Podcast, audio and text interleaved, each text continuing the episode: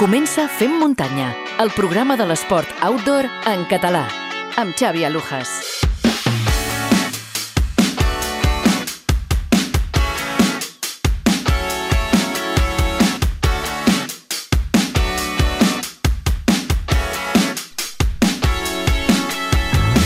Hola, què tal? Benvingudes i benvinguts al Fem Muntanya, el programa de podcast dedicat íntegrament a la muntanya i als esports outdoor. Comencem ara mateix aquest programa ja número 39. Com cada dijous, us portem una nova edició que espero que us agradi i sigui interessant. Si és la primera vegada que ens escoltes, espero que no sigui l'última i per això et recomano que et subscriguis a la teva plataforma de podcast favorita. A més, quan vulguis podràs recuperar qualsevol dels anteriors 38 programes i totes les converses de forma individual. El menú per, a, per avui és interessant. Començarem passant pel banc de proves d'en Pol Puig per fer un repàs als millors rellotges GPS del mercat. Si esteu pensant en canviar-vos de dispositiu, escolta primer la secció i passa després per la nostra web, on trobaràs informació de cadascun d'ells.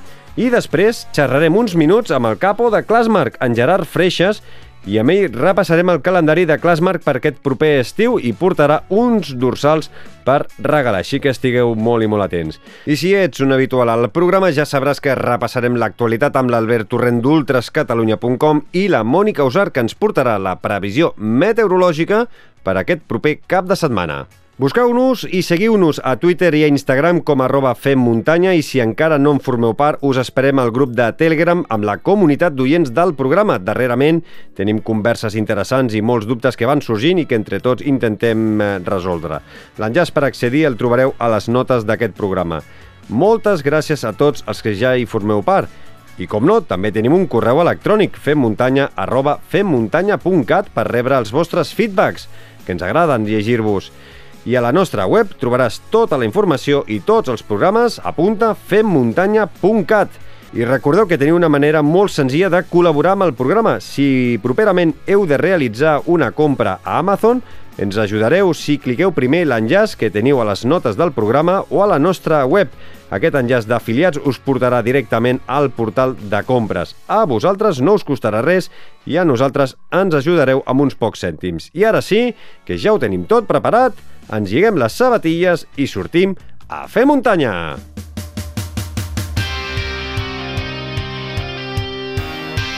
Vinga, va, comencem i ens actualitzem anant fins a la redacció d'ultrascatalunya.com i saludem l'Albert Torrent. Hola, Albert. Hola, Xavi, què tal? A veure, cap de setmana del 29 i 30 de maig, que ens han deixat molts resultats, molts podis. Uh -huh. eh, et sembla bé que comencem per les cames de ferro al Puig Sacalm? Sí, que precisament vam estar allà veient in situ com va anar la cursa. Doncs a Sant Esteve d'en Bas es va celebrar aquesta sisena edició de la Cames de Ferro al Puig Sacalm, en la que era la tercera prova puntuable per la Copa Catalana de Curses de la FEC. I aquest cop doncs, la victòria masculina se la van portar Pere Rullant per davant de Sergi Garcia, líder d'aquesta competició. Georgina Gavarro va guanyar contra top pronòstic i posa emoció a aquesta Copa Catalana que semblava data i beneïda per Rosa Navarro, que aquest cop va ser tercera. Doncs eh, de les cames de, de ferro passem als passos de gegant. A Solsona es va disputar la cursa Passos de Gegant Solidària amb dues distàncies i Wilfred Lladó i Jennifer Dimbodi es van alçar amb la victòria en la mitja marató, mentre que en la cursa popular de 10 quilòmetres el triomf va ser per Jordi Vidal i Jacqueline Gómez. I marxem ara cap al Maresme, a la marxa Trail Arenys de Mar. Sí, que va complir la seva 42a edició amb 450 corredors i marxaires que van conèixer les rodalies d'aquesta població del Maresme en un circuit de 11 quilòmetres. Ferran Moré i Ana Belén Garcia van ser els corredors més ràpids en completar el recorregut. Mm -hmm. I no deixem eh, de parlar de curses, de podis, i continuem amb les guilleries X-Trail. A Sant Hilari Sacalm es va celebrar aquesta cursa que donava el tret de sortida del circuit X-Trail Marathon Cup, que enguany comptaran dues proves més a Lles de Cerdanya i a Saldes, als peus del Pedraforca. I tres distàncies va tenir aquesta Guilleries X-Trail, amb victòries per Alejandro Villarino i Anna Clapés en la marató, Santi Peña i Anna Freixas en la de 26 quilòmetres i Víctor da Costa i Messi Arcos en la de 16 quilòmetres. I anem eh, fins als peus del Montseny eh, per veure què ens ha deixat la Trail Sant Esteve. eh, que recordarem a l'edició passada, que va ser una de les primeres proves que es va celebrar després del confinament, i aquest cop va aglutinar prop de 500 corredors dividits en dues distàncies.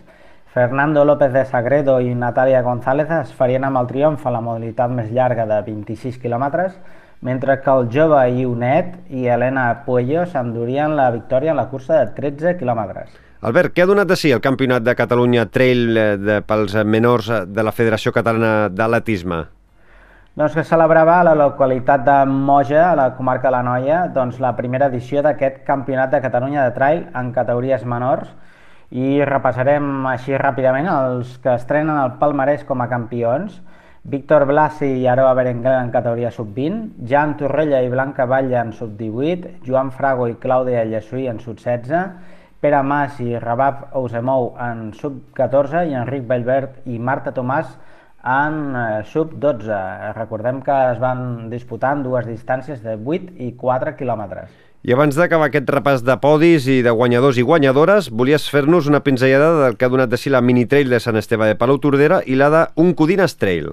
Sí, que a la minitrall de Sant Esteve Palau Tordera eh, va comptar amb una participació de 200 nens i nenes d'entre 3 i 14 anys i que va representar l'estrena del primer circuit d'escoles trail de la FEC, amb calendari encara per determinar. I que a Sant Feliu de Codines doncs, es va celebrar l'Oncodines Trail, un repte 100% solidari i per equips, els quals van cobrir una distància de 70 quilòmetres per les comarques del Moianès i Vallès Oriental.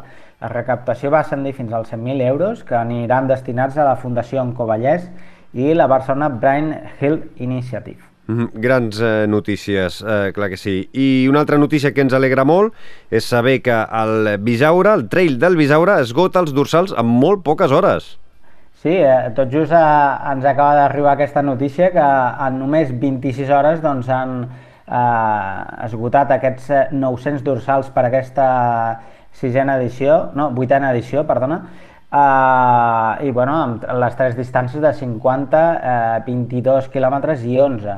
Recordem que la distància de la mitja marató doncs, eh, aquest any serà la prova decisiva per la Copa Catalana de, de curses per muntanya de la FEC. Doncs ja podem avançar també aquí al Fem Muntanya que en el programa vinent, el dijous 10 de juny, eh, podrem parlar amb Toni Font, eh, que és un dels eh, màxims responsables del Trail del Bisaura, per saber com han viscut eh, doncs, aquesta autèntica bogeria en la qual, doncs, com deies, en 26 hores han esgotat els 900 eh, dorsals eh, i a més a més amb, amb gairebé 30 minuts van esgotar els dorsals sí, de, la, de la cursa M, la de 22 quilòmetres. Una autèntica bogeria. En parlarem, una bogeria, una, una bogeria. En parlarem, hi ha ganes de córrer, hi ha ganes de córrer. En parlarem, en parlarem amb el Toni la setmana vinent i a veure si podem rascar algun dorsal extra eh, eh, que puguem eh, sortejar entre tots els eh, oients del Fem Muntanya. Estigueu molt atents, sobretot la setmana vinent.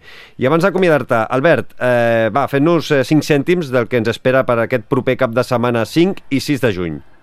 Sí, doncs eh, tenim fins a cinc destinacions. Eh, la principal doncs, serà la cursa dels Bastions, que celebrarà la seva desena edició amb 1.500 corredors, rècord eh, d'aquests 10 anys, amb tres distàncies de 71 km, 52 i 21 a través dels cims i colls de, de la Vall de Ribes. A Colldejou, Tarragona, el trall de Colldejou amb tres distàncies de 21, 9 i 4 quilòmetres, a Molló, al Ripollès, la Molló Trail, amb tres distàncies de 43 eh, i 21 quilòmetres. A Organyà celebrarà la dotzena Ruix Santa Fe, una prova vertical de 4 km i 670 metres positius. I ja ho tancarem a Montserrat, on es celebrarà la Vertical Montserrat, que des de l'estació inferior del funicular de la Santa Cova fins a l'estació superior del funicular de Sant Joan, doncs entre aquests dos funiculars hi haurà un tram d'enllaç amb escales amb, doncs, superant un desnivell de 80 metres. Mm -hmm. Doncs eh, Albert Torrent, com sempre, gran feina, més informació a ultrascatalunya.com i res, desitjar-te tota la sort i que disfrutis dels bastions aquest proper cap de setmana. Molt bé, moltes gràcies. Cuida't, una abraçada. Una abraçada, adeu. I abans eh, d'acabar el repàs amb l'actualitat, com sempre, moment per saber eh, el temps que ens espera per aquests eh, propers dies i ho fem com sempre amb la nostra meteoròloga, la Mònica Usart. Estem a les portes d'un cap de setmana d'un temps molt variable, d'un cap de setmana propi de primavera en què tindrem estones de tot. Dissabte amb un cel mig ennuvolat i algun ruixat cap a les comarques del nord i a partir de mitja tarda vespre arribaran pluges que aniran guanyant terreny la nit de dissabte a diumenge i després diumenge encara quedarà un temps insegur, especialment a comarques del centre i del nord del país, sobretot Pirineu, Prepirineu, comarques de Girona, nord de Barcelona o també la Catalunya central. Per tant, si teniu previst fer activitats a l'aire lliure aquest cap de setmana, potser el millor moment per sortir és dissabte al matí, quan el temps serà una miqueta més tranquil. Sí que si teniu previst anar cap a la zona del Pirineu, compteu que al matí ja podria descarregar algun ruixat. I després, a partir de dissabte al vespre, doncs tingueu en compte que aquestes pluges aniran afectant gran part de Catalunya. I després, diumenge, el millor lloc on podeu anar doncs és cap a les comarques del sud, perquè és on s'aclarirà abans, és on tindrem més estones de sol durant el dia de diumenge. La resta, doncs, teniu en compte agafar un paraigua perquè descarregaran aquests ruixats a moltes comarques. Les temperatures reculen una mica dissabte i es mantenen sense canvis diumenge. No tenim cap gran pujada als termòmetres, la calor no serà intensa, però tampoc tindrem fred. Serà una temperatura força semblant al que hem tingut gran part d'aquesta setmana. Moltes gràcies, eh, Mònica. Temps 100% primaveral, temps una mica inestable, així que estigueu atents si sortiu a la muntanya aquest proper cap de setmana. Envia'ns les teves opinions a través de Twitter, Instagram o del correu electrònic femmuntanya arroba femmuntanya.cat. Donem eh, la benvinguda a un nou programa del Fem Muntanya, el nostre testejador de referències, en Pol Puig. En Pol és testejador de Trail Running Review. Benvingut de nou al programa, Pol, com estàs? Hola de nou, Xavi. Content d'estar una vegada més al Fem Muntanya i també molt animat perquè a poc a poc vaig poder tornar a participar en una cursa que feia molt, massa temps que no, no podia participar en alguna pel Covid que vaig córrer la, la Berga Rasos Berga i sembla que anem recuperant la normalitat. Doncs sí, eh? per fi es tornen a disputar curses amb eh, totes les mesures de seguretat i gairebé totes tenen eh, els dorsals tots venuts i moltíssimes, veig moltíssimes, moltíssimes ganes de, de tornar a córrer, de tornar a posar-se un dorsal, competir i retrobar-se amb amics i companys de, de carreres. Eh? Doncs sí, la veritat que ja tenia moltes ganes de posar-me un dorsal perquè l'últim crec que havia estat a la Roca Corba, però d'abans de la pandèmia. I bueno, sempre és bonic retrobar-te amb els amics, reviure l'ambient de cursa i aprofito per felicitar l'organització perquè en tot moment vam estar informats de les mesures de prevenció del Covid, la carrera va funcionar perfectament, des de l'entrega del dorsal fins, fins l'arribada a meta.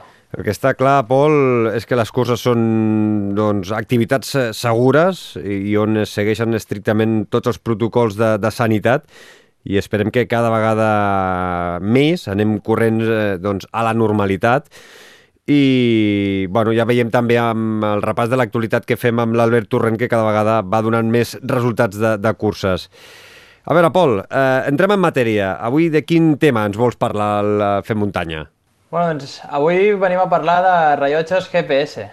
Intentarem posar sobre la taula quatre models de rellotge i comparar-los entre ells perquè els nostres oients puguin escollir quin és el que s'adapta més a les seves necessitats i, com no, també a la seva butxaca perquè no són... segurament és de les peces de material més cares que portem, però, però, no, però no, cal, no cal oblidar que és un element de seguretat molt, molt important a l'hora de córrer. Jo crec que després de les sabatilles i potser les motxilles, els rellotges GPS són eh, no, els elements que, que més mirem i crec que del que tractaràs és un tema apassionant i alhora complex d'analitzar. A veure si aconseguim extreure alguna conclusió d'aquí uns minuts. Eh, recomanem eh, als oients eh, que agafeu paper i llapis per si voleu apuntar algunes dades que doni el, el Pol, però també recordeu que teniu un article al nostre, a la nostra web, eh, femmuntanya.cat, on eh, us deixarem tota l'anàlisi tota que faci en Pol amb més eh, profunditat. Doncs eh, tu mateix, mm, com vols, eh, com vols analitzar eh, els rellotges GPS? Doncs, aviam, és un tema bastant complex i, clar, a part, cada model nou que les marques llencen al mercat i afegeixen més complexitat amb les funcionalitats. Cada rellotge té característiques pròpies i un gran nombre de funcionalitats que compliquen comparar-los entre ells per, per esco escollir-ne quin és el, el millor. Tens tota la raó. Eh, sempre que intento comprar algun model és difícil treure'n eh, conclusions i com més eh, reviews miro i més eh, rellotges miro, a vegades m'explota una mica a, a, al cap. Així que, a veure, com tens pensat eh, fer-ho? Per fer-ho didàctic, fer-ho fàcil i que els oients eh, ho entenguin a la primera escoltant-nos. Doncs hem seleccionat quatre aspectes dels quals parlarem, però primer anem a parlar dels models. No? Tenim el, hem seleccionat el Sunto 9 Baro, el Polar Grid X, el Garmin Fenix 6X Pro i el Corox Vertix. Llavors, eh, quins són els aspectes que hem triat? Hem triat quatre aspectes que creiem que són els més rellevants, que és la precisió, a l'hora de les dades que ens ofereixen, tant del pulsòmetre com del GPS, quilòmetres recorreguts, desnivell, etc. La navegació, si ens permet seguir tracks, ja que és una eina molt útil i, i que ens aporta un plus de seguretat molt interessant en muntanya. El tercer punt són els entrenaments, quines opcions ens ofereix a l'hora de planificar els entrenaments i l'autonomia, no? quina durabilitat de, de la bateria. I a part d'aquests aspectes també afegirem de cada model doncs, alguna característica rellevant que el diferencia de la resta. Què, què et sembla, Xavi, aquesta elecció? Jo crec que és fantàstic, perquè crec que aquests eh, quatre pilars eh, doncs són els que la majoria de nosaltres mirem a l'hora de comprar-nos un dispositiu. Vinga, per quin vols començar? Tu mateix. Doncs començarem per un dels que més em van agradar quan vaig poder-ho testejar, que és el Garmin Fenix 6X Pro, el qual ens van presentar l'última edició de l'UTMB que va guanyar el Pau Capell, i la veritat que la sisena edició té diverses versions que van reduint les prestacions respecte al model del que parlarem, que és el, el tope de gamma, i en combinació, doncs, com que tenen menys prestacions, també el preu és, és més assequible. Mm, doncs eh, comencem, comencem per aquest Garmin eh, Fenix 6X eh, Pro i comencem, si et sembla, per la precisió. Correcte. La, la precisió podem dir que és excel·lent, perquè al llarg del, al llarg del test vaig realitzar molts quilòmetres corrent, també en bicicleta, fent esquí de muntanya, inclús algú d'alpinisme, i la precisió amb el rellotge GPS va ser eh, excel·lent. En cap moment es va perdre, no vam perdre senyal. L'únic punt on ens va fallar una mica va ser fent la canal de l'Ordiga al Cadí, que és una zona molt tancada, i van haver-hi uns... Bueno, en el tram central, que és on estàs més, més tapat, diguéssim, doncs allà va perdre una mica la, la recepció de GPS i es va tornar una mica boig. Però la resta d'activitats ens ha marcat perfectament el recorregut sense cap problema. El pulsòmetre de Canell és útil perquè és una, és una versió que ja Garmin ha millorat, però és a nivell orientatiu. Les dades no són igual de rellevants que si portem la cinta al pit, amb la qual si seguim un entrenament per pulsacions, doncs molt millor portar la cinta de pulsòmetre al pit. Jo, jo crec que tots els rellotges, eh, ja comencem per aquí, eh, crec, eh, és una opinió personal meva, que tots els rellotges funcionen molt millor el pulsòmetre amb la cinta al, al pit que no mirant el, el, el, doncs el, el sensor al canell. Mm, però ara ja em diràs també amb el, la resta de rellotges, perquè ara gairebé tots eh, ho tenen, si la precisió és més exacta o menys exacta entre ells. No, certament és una característica que, que comparteixen tots i és que la, amb la cinta al pit la, la precisió és molt més elevada. I de fet ho vaig poder confirmar deu fer tres mesos quan em vaig fer una prova d'esforç i portava el que són els propis sensors de la prova d'esforç i després el rellotge al, can, al canell, la diferència de pulsacions era, era notable. Mm -hmm. Doncs mira, continuem amb el Garmin Fenix 6X Pro eh, i hem parlat de la precisió del GPS i del eh, pulsòmetre del canell i ara seguim per la navegació. Què ens, eh, què ens dius? Doncs la navegació, la veritat que no, només la versió 6X té els, els mapes a color, que es pot pagar un extra de 79 euros pel, pel mapa topogràfic, i realment la pantalla està, està molt ben trobada perquè és molt fàcil seguir, seguir els tracks que ens surten a la pantalla i a part els podem ampliar per tenir un pèl més de, de precisió o detall a l'hora d'escollir. També està molt bé perquè ens avisa quan estem fora de ruta, és a dir, a vegades estem corrent, ens despistem i potser ens hem passat algun corriol, doncs ens avisarà i com en d'altres models doncs, permet passar els tracks directament de Wikilogs i tenim la versió Premium que costa 10 euros anuals i realment bueno, tota la gran quantitat de rutes que hi ha al Wikilog poder-ho passar amb tanta facilitat al rellotge ens dona una llibertat quan volem descobrir zones noves molt, molt útil. Mhm. I quines eh, opcions ens dona el, aquest Garmin eh, en quant a entrenaments, Pol? Realment són inacabables. Uh, us podeu personalitzar, bueno, jo m'he personalitzat entrenaments de, de tot tipus. Uh, es poden uh, establir diferents objectius en diferents zones pel, pel mateix entrenament. És molt fàcil de configurar, es pot fer des de l'aplicació, es pot fer des de l'ordinador i a part ens ofereix tant abans, durant i després de l'entrenament una infinitat de mètriques per saber l'estat de forma, com anar l'entrenament, les hores que necessitem per recuperar, etc. I per a aquelles persones que, el, que hi dediquin temps a saber com el seu estat de forma és un, és un rellotge molt útil. Uh -huh. I en quant a autonomia, què, què dius?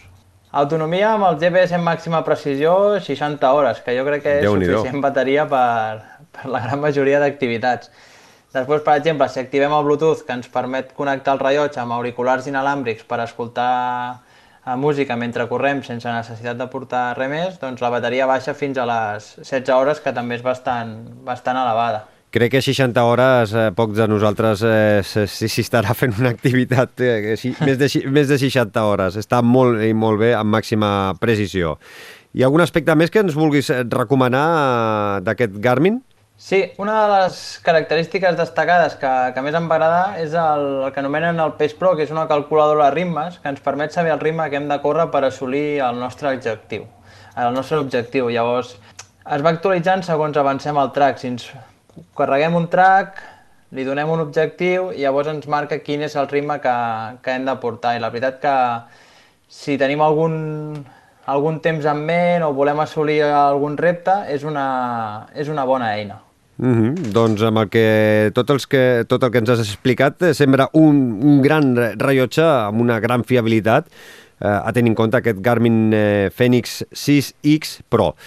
Estaria gairebé potser a la mateixa alçada, o potser ja veurem, eh, les conclusions que tu arribes, eh, que el Sunto 9 Baro Mm, en temes de precisió jo crec que està molt semblant, que estan colze a colze, però hi ha d'altres aspectes que crec que el, que el Fenix X Pro segueix, estant, segueix sent superior al, al propi Sunto. Mm, quina és la teva relació amb Sunto? Perquè diria que ja fa uns anys no, que corres amb Sunto. Sí, sí, de fet el... vaig estar molts anys corrent amb el, amb el Sunto Ambit 2, que era molt precís, durava molt la bateria pel que era l'època, i després, doncs, a, a Trail Running Review he tingut l'oportunitat de provar gairebé tots els models de la gamma Spartan, que personalment crec que no van estar a l'alçada dels requeriments dels corredors i una mica del que se'ls esperava.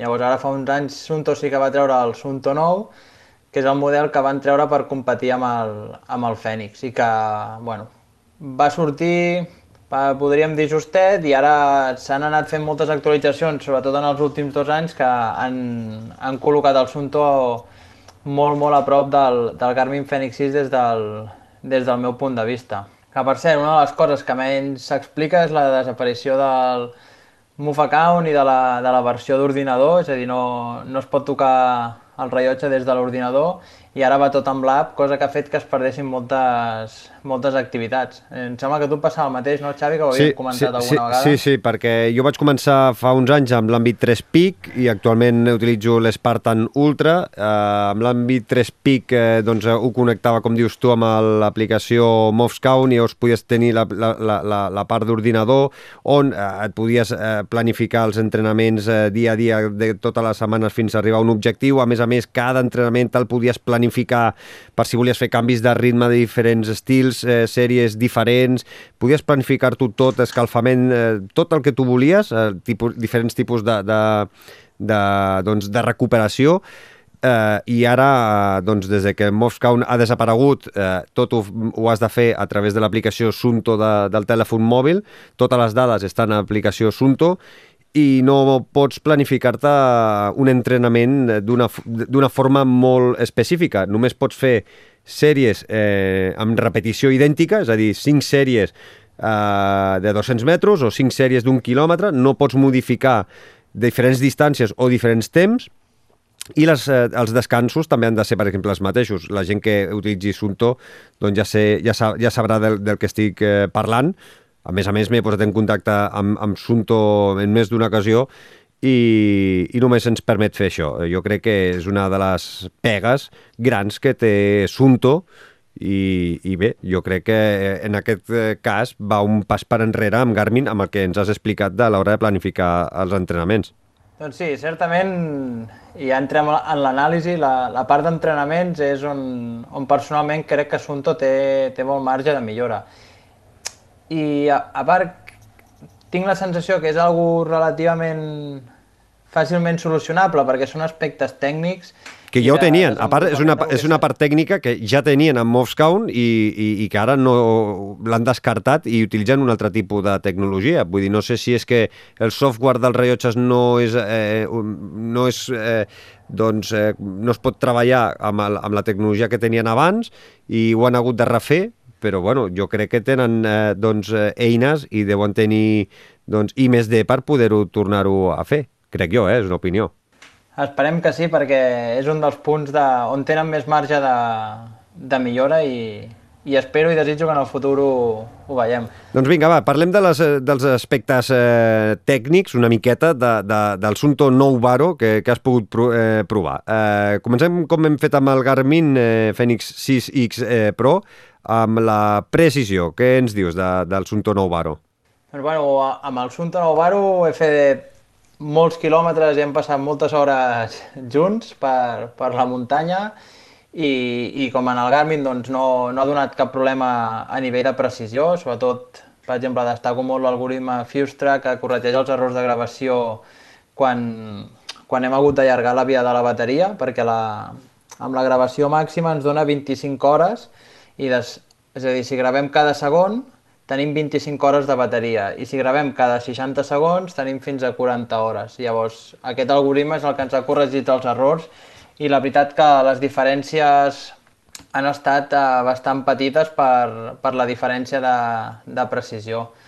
Després, la, la navegació, també podem dir que estem molt contents des de les últimes actualitzacions, perquè ara mateix bueno, fa relativament poc, des de l'app ja es poden passar els tracks de Wikiloc de, de forma directa i molt, molt recentment s'ha integrat amb, amb Comod, que és una aplicació que ens permet tenir la, la navegació per pas a pas, és a dir, ens va avisant si hem de girar a l'esquerra, si hem de girar a la dreta, etc etc. I l'únic aspecte diferencial amb el, amb el Garmin és que encara no, no hi podem incloure mapes. Mm -hmm. I en quant a entrenaments, eh, ho hem comentat, crec que ha quedat bastant clar, és on tenen més marge de, de, de millora. I l'autonomia, que també ho has explicat ara, no? 25 hores eh, amb màxima precisió de GPS i 40 hores si ho fem cada 60 segons. Es pot ajustar una mica, no?, per això, la, el tema de la bateria té opcions. Correcte, després hi ha diferents opcions que es poden activar o desactivar, com és el Bluetooth, com és el brillo, la il·luminació de la pantalla, etc etc i això ens pot allargar o escurçar la, la vida de la bateria. Així, a grans trets, la sensació és que l'hem de carregar un parell de vegades a la setmana, entrenant una hora més o menys cada dia i allargant una mica els caps de setmana. Mm -hmm. vale. Hem parlat del Garmin, hem parlat de Sunto. Uh, quin és el tercer rellotge de que ens vols parlar avui, Pol?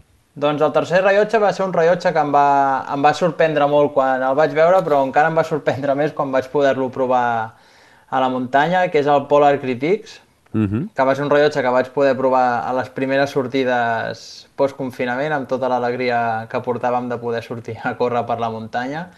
I podem dir que és un rellotge que és molt elegant, el seu aspecte estètic, a la gent que li agradi els rellotges inclús per portar-los dia a dia durant moltes hores és molt elegant, pesa molt poc i el, i el seu rendiment és relativa, és molt sorprenent.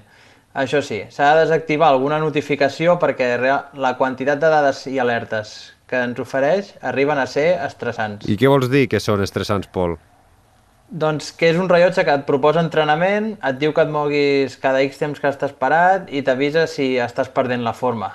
I clar, per exemple, si és una època que tens molt volum, que tens estrès, o no pots entrenar tant com, tant com t'agradaria, que ja ho saps, per l'estat de forma i a sobre pues el rellotge t'ho va, va recordant de hauries de sortir, hauries de sortir, doncs emprenya una mica. Mm, això suposo que es pot uh, ajustar una mica, no? Correcte, correcte. Vale, vale, vale, dic, perquè si no acabes per, per, pararíem bojos. Uh, a veure, comencem amb aquest uh, Polar uh, Grid X, uh, comencem amb la precisió. Què tal? Què, què ens dius?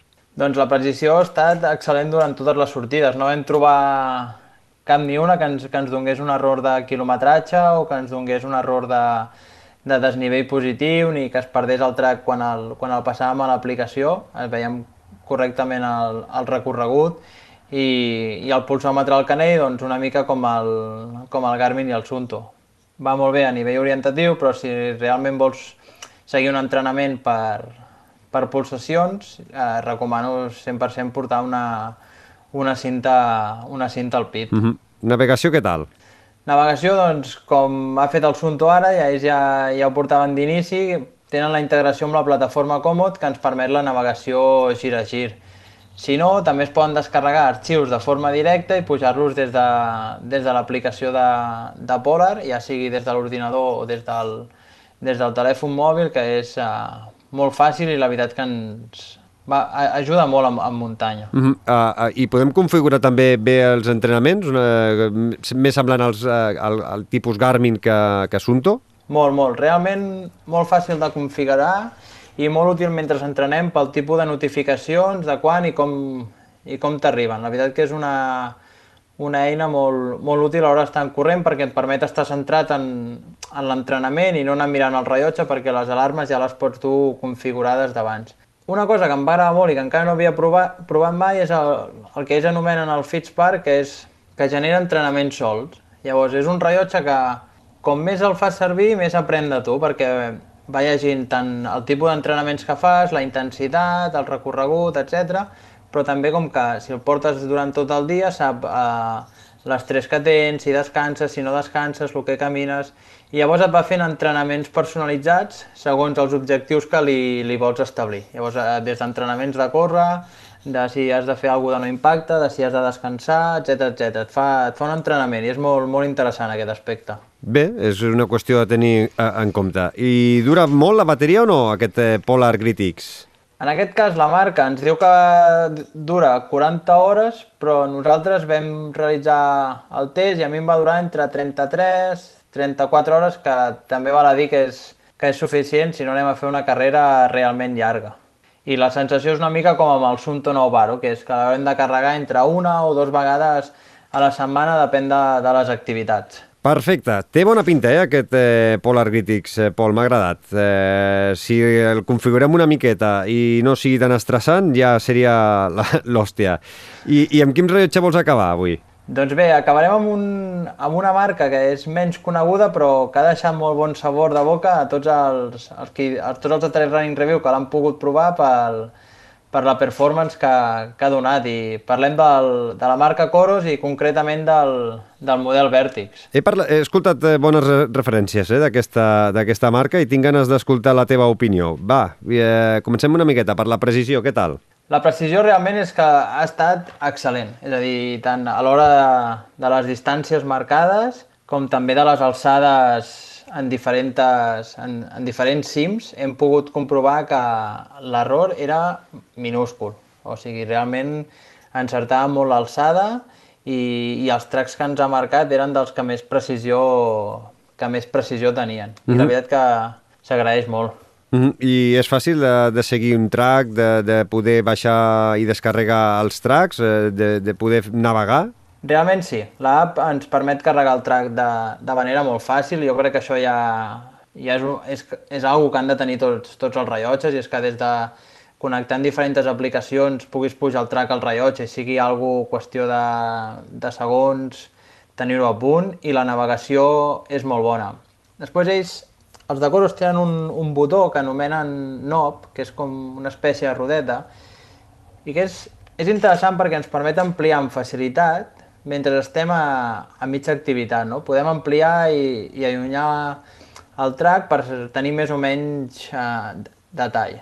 I a part, bueno, si ens desviem de la ruta, rebem una notificació que pot semblar una tonteria, però a vegades ens estalvia haver de fer marxa enrere o, o d'equivocar-nos si, si hi ha mala visibilitat o si estem corrent de nit, sempre és una gran ajuda. Uh -huh. I vinga, ara un dels temes eh, que crec que més minuts li hem dedicat a la secció d'avui. Eh, fàcil de planificar els entrenaments, és configurable o és bastant, eh, eh, bastant tancat i no podem configurar-ho al nostre gust? Doncs Coros aquí sí que s'ha posat les piles i ens permet planificar els entrenaments des de l'app amb objectius d'intervals, amb objectius aeròbics, amb objectius i anaeròbics, vull dir que realment tenim molt, molta facilitat i molta llibertat a l'hora de, de planificar els entrenaments. Mm -hmm. La mhm. veritat que és, que és una que jo personalment valoro molt perquè si has, has estat perdent un temps o invertint un temps a l'hora de planificar l'entrenament a casa, va molt bé que no hagis d'estar fent una sèrie que potser vas ofegat per la respiració i hagis d'anar mirant el rellotge, sinó que et puguis concentrar fins que sentis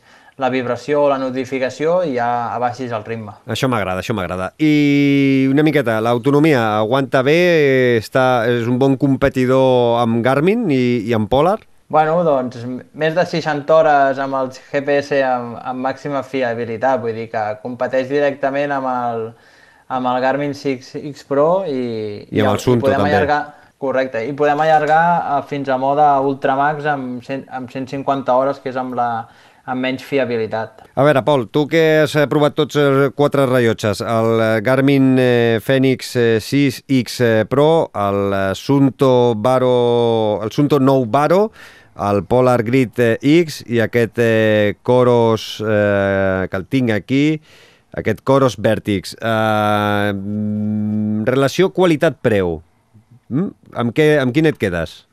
Aquesta, aquesta és la gran pregunta i i depèn una mica de cada, de cada rellotge, no? Està clar, per exemple, que el Garmin Fenix 6X és el, el més complet des del meu punt de vista, sobretot partim de la base que tots quatre tenen bons sensors i llavors la fiabilitat de les dades que ofereixen és bona. Llavors, l'aplicació i les funcionalitats que té desenvolupades al Garmin crec que són molt bones. Ara bé, mm -hmm. també és el, el, de, el de preu més elevat. Per tant, jo crec que estaria molt la meva elecció entre el Polar Grid X i el Coros Vertix. El ser practicant d'esquí de muntanya, eh, una mica d'alpinisme, també mm, bueno, m'agraden les travesses, etc. Crec que em quedaria amb el Coros Vertix perquè és un pèl més muntanyenc que el, que el Polar Grid. Doncs eh, apuntem la, la teva opinió, que eh, si has pogut provar eh, i disfrutar amb tots quatre, doncs eh, crec que és una opinió més que merescuda d'escoltar i que la gent doncs, eh, bueno, també eh, tregui les seves pròpies eh, conclusions. Pol Puig, com sempre, moltíssimes gràcies per aquest anàlisi en profunditat d'aquests eh, quatre rellotges. Eh, recordeu que a la nostra web femmuntanya.cat doncs, trobareu tots els... Eh, les, trobareu fotografies, trobareu una miqueta més ampliat aquest anàlisi i si voleu fer-nos arribar doncs, alguna, algun suggeriment perquè el, el Pol, doncs, escolta, per què no parleu de, jo què sé, eh, m'ho invento, de samarretes, de mitjons, de eh, bambes de batalla, que li dic jo, per exemple, doncs eh, ens ho podeu fer arribar a través de les nostres xarxes socials, a, a través del grup de Telegram o a través del nostre correu electrònic femmuntanya arroba femmuntanya.cat. Pol, cuida't molt, moltíssimes gràcies per aquesta feinada i ens escoltem ben aviat. Cuida't, una abraçada. Una abraçada i fins la pròxima. Visita la nostra web femmuntanya.cat. Saludem per tercera vegada aquesta temporada el capo de Clasmarc. Gerard Freixas, benvingut de nou al Fem Muntanya. Eh, què tal, Xavi? Merci per convidar-me. Bones a tots. Gràcies a tu per, per atendre's una, una vegada més. Gairebé et podries considerar un col·laborador del programa, eh? Ja series dels que més vegades has entrat al, al Muntanya. A veure, Gerard, eh, t'hem demanat si volies xerrar una estoneta amb nosaltres perquè Clasmarc organitza diverses eh, proves aquests eh, propers mesos i volíem eh, doncs, saber les novetats de cadascuna d'elles. Posar una miqueta el calendari de Clasmarc per aquest estiu 2021. Abans, però, explica'ns eh, quin paper té Clasmark amb l'organització de l'Ultra Client Marathon d'aquest proper 5 de juny. Va.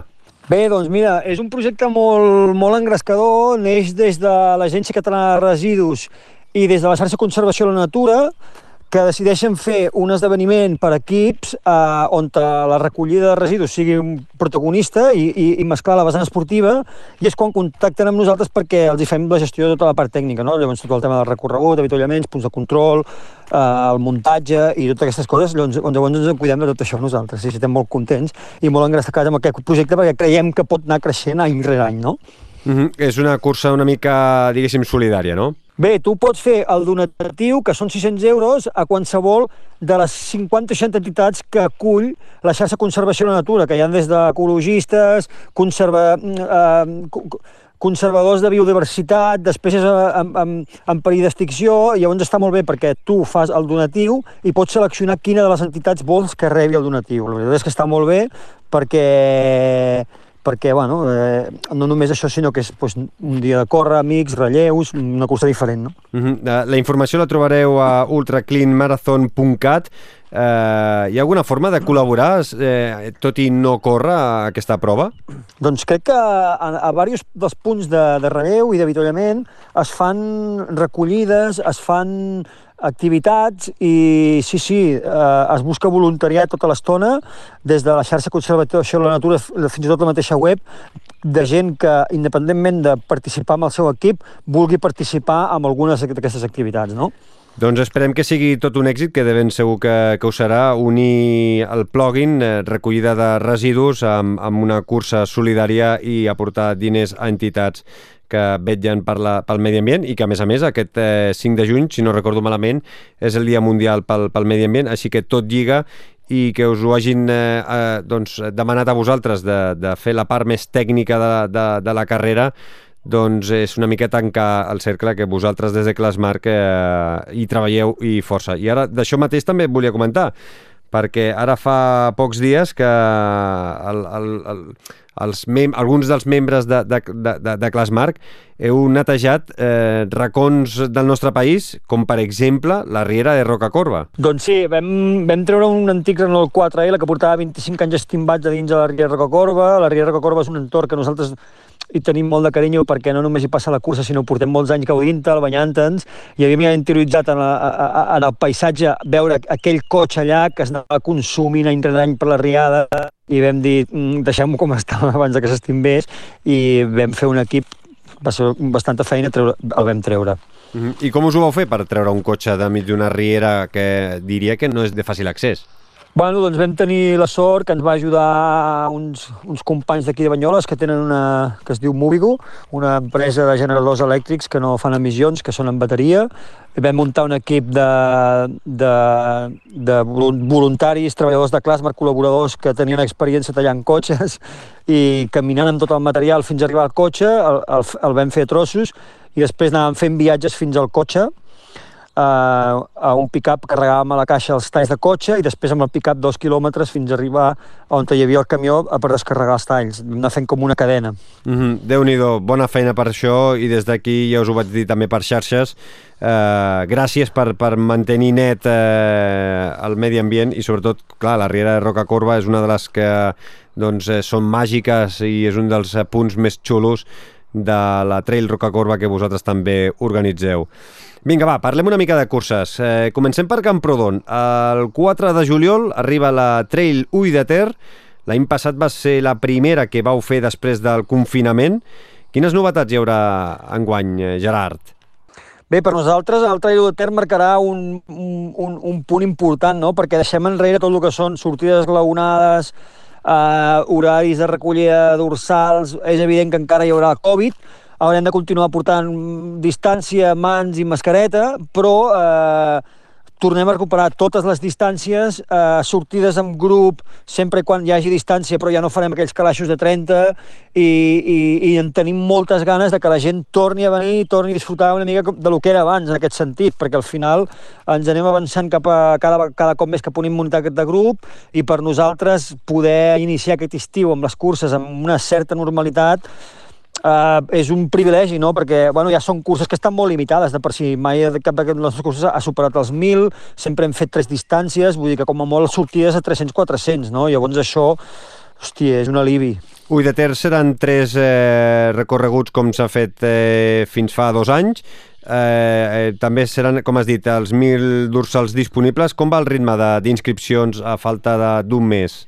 Bé, la veritat és que encara detectem que la gent no està programant massa, però estem molt contents perquè perquè veiem optimista, optimisme, veiem que estan tornant moltes altres curses, que la gent torna a animar-se a participar i això, al final, eh, serà bo per, per tots, que tothom es torni a repartir, que tothom tingui la gent que realment vol fer aquella cursa, perquè al final ser el focus i ser les úniques curses tampoc ens interessava. Ara sabem que qui realment ve a Trail de Ter voldrà fer el Trail de Ter i això és bo per tots. Mm -hmm. Serà el tret d'inici de les Mission X3? Serà el tret d'inici de les Mission X3 que fins ara les havíem aplaçat, és a dir, no fèiem circuit Mission, perquè estàvem pendents de com estava la pandèmia, perquè L'any passat ja, ja vam eliminar per, per circumstàncies de, de, de si podíem celebrar les tres curses o no, però ara ja anunciarem que tornem a fer les tres curses eh, puntuables entre elles. Quina gran notícia. Clar, la segona de les eh, missions serà la Trail Catlllaràs, que arribarà a la Pobla de Lillet el proper 1 mm, d'agost amb la mítica Trail Catlllaràs. L'any passat no es va poder celebrar. Enguany, quants eh, recorreguts tindrem? Bueno, igual, recuperem la marató, el trail i l'express. Recuperem una mica el format antic, sí que farem, habilitarem dues zones, una zona de sortida, una zona d'arribada.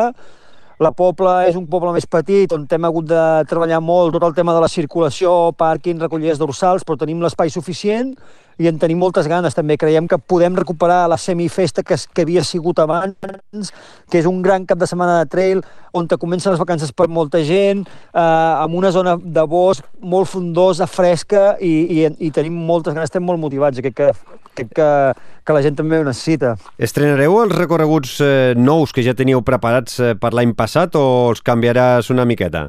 Bé, això ho estem estudiant ara. Estem estudiant una mica com, està, com estan els boscos, quines zones s'han netejat, quines zones s'han desforestat, i en funció d'això, doncs, eh, farem horari o antihorari. L'any passat només teníem planificat fer un trail amb sentit horari, que sempre havíem fet antihorari, i aquest any probablement ho fem tot horari, eh, bueno, el problema que, que el tenim horari al Sasto, que és que, que allà a, a Malanyeu el salt, el salt del Pigot és, és inviable i és un lloc molt emblemàtic de la cursa, no? llavors això és el que ara estem estudiant, aviam com ho fem exactament. Uh -huh. Uh, tindreu els mateixos dorsals disponibles, no? Suposo que, que Ui de Ter?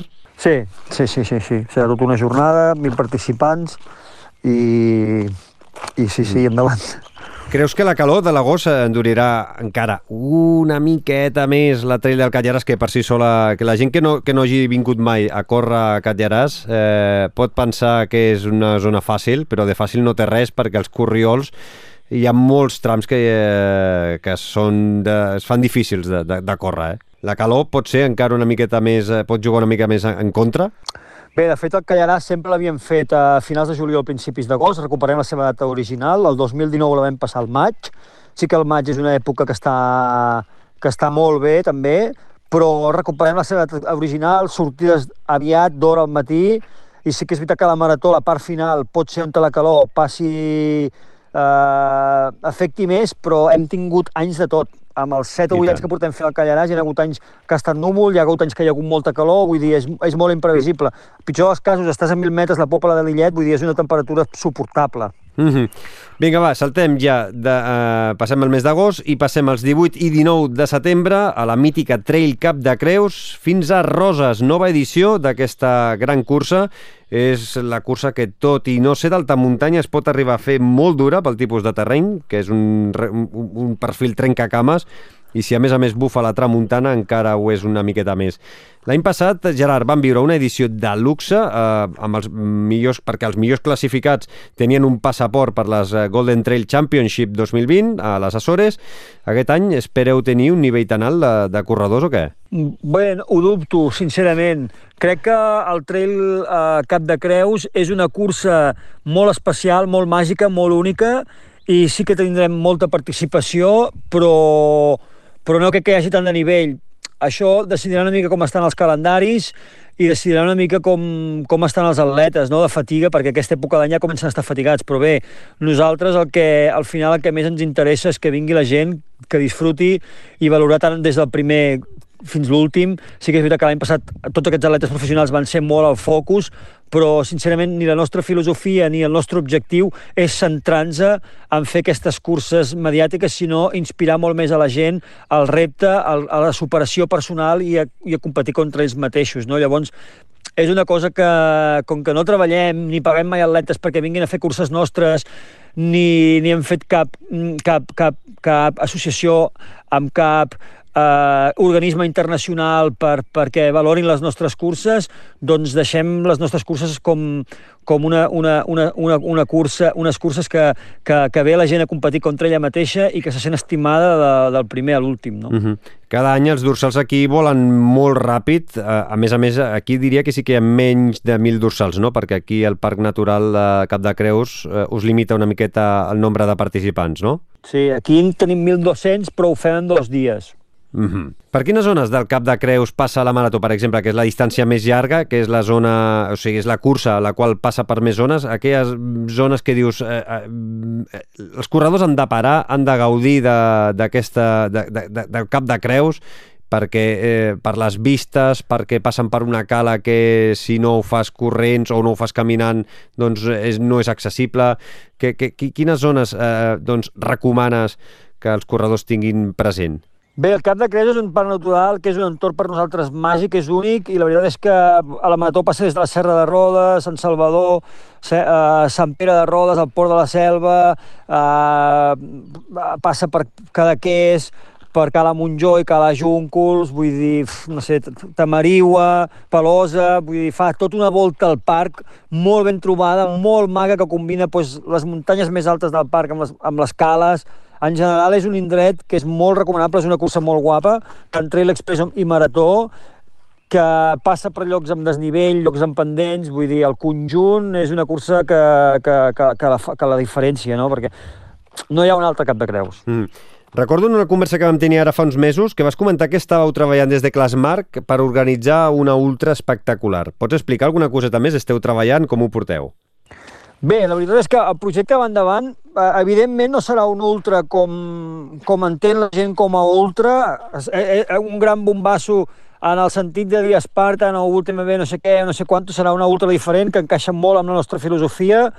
Creiem que serà una ultra que és el camí a seguir i serà una ultra que acollirà pocs corredors amb molta experiència i amb, amb unes garanties de seguretat molt, molt precises i molt exactes, que és una mica el que, el que nosaltres vam abandonar les ultres per això, no? per un tema de seguretat, no, no ens veiem preparats per donar seguretat a, a l'alçada i vam abandonar les ultres per això i, i ara estem treballant en un projecte que crec que, que, que, que pot agradar molt, però amb, una, amb un corredor molt concret. Mm, què seria ja de cara al 2022, Gerard? Sí, sí, sí. Mm. 2022. A veure, acabo. A, a través del nostre grup de, de Telegram, el Joan va treure un tema molt interessant perquè preguntava sobre el tema del marcatge i va comentar que vosaltres sou un dels que millor marqueu les curses. Uh, a veure, uh, quin és el secret per marcar bé els recorreguts? Quins materials feu servir?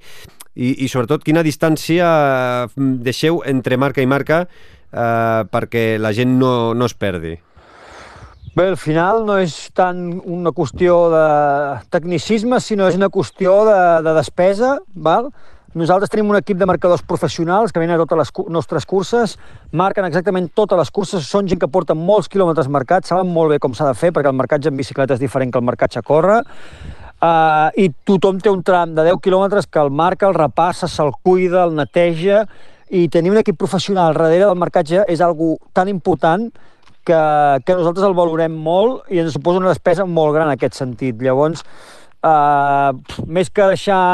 És evident que com més cintes hi ha, millor, però a vegades no fan falta tantes cintes, no? A vegades és millor eh, marcar el trencant bé, posar un recordatori, mm, entrar en, tem en tecnicismes més de quina velocitat vas aquí, quina velocitat vas allà, quina posició portes en aquí per posar-lo més amunt o més avall, quina posició portes a la baixada perquè potser no el veus, bueno, és, és, un, és un no parar, és un I més D nostre del dia a dia. Mm, bueno, està bé, està bé, per això t'ho pregunto, perquè, eh, clar, hi havia gent que, que, en aquest cas el Joan, que, que va treure el tema, us va dir que, i és veritat, perquè corroboro que he pogut participar a moltes proves vostres i mai, mai, mai a la vida eh, m'he passat un corriol ni de pujada i molt menys de, de, de baixada.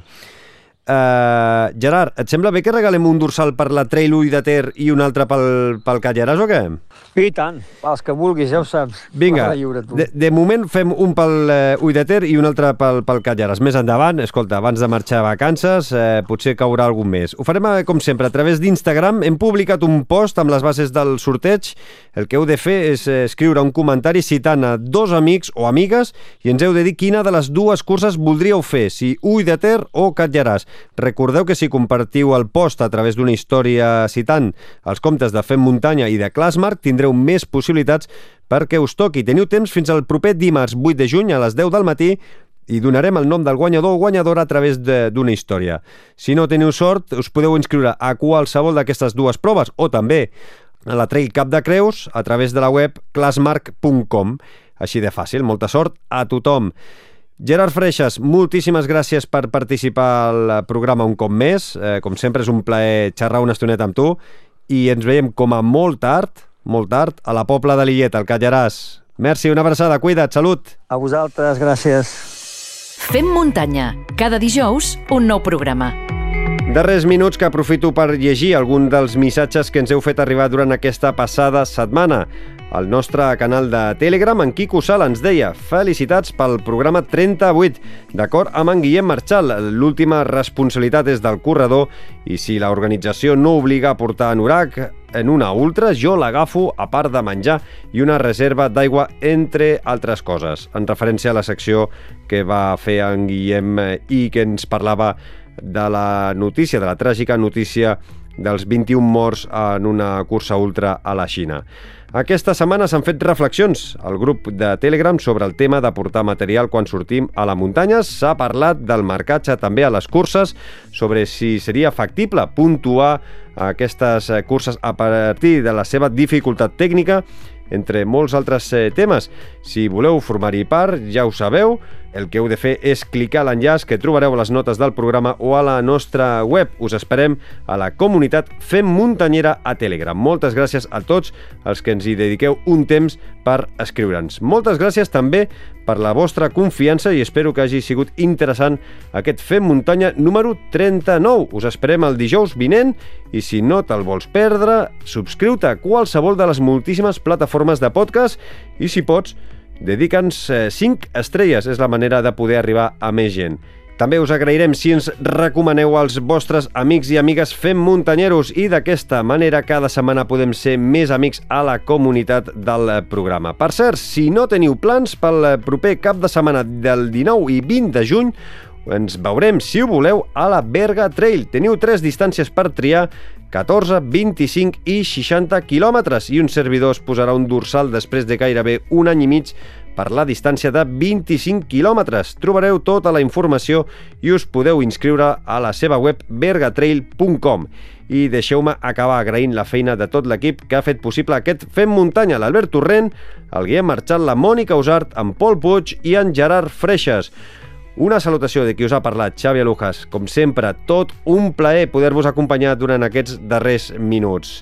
Tornem, si voleu, dijous vinent amb més històries i, sobretot, molta més muntanya. Fins llavors, gaudiu de la setmana amb salut, seny i muntanya.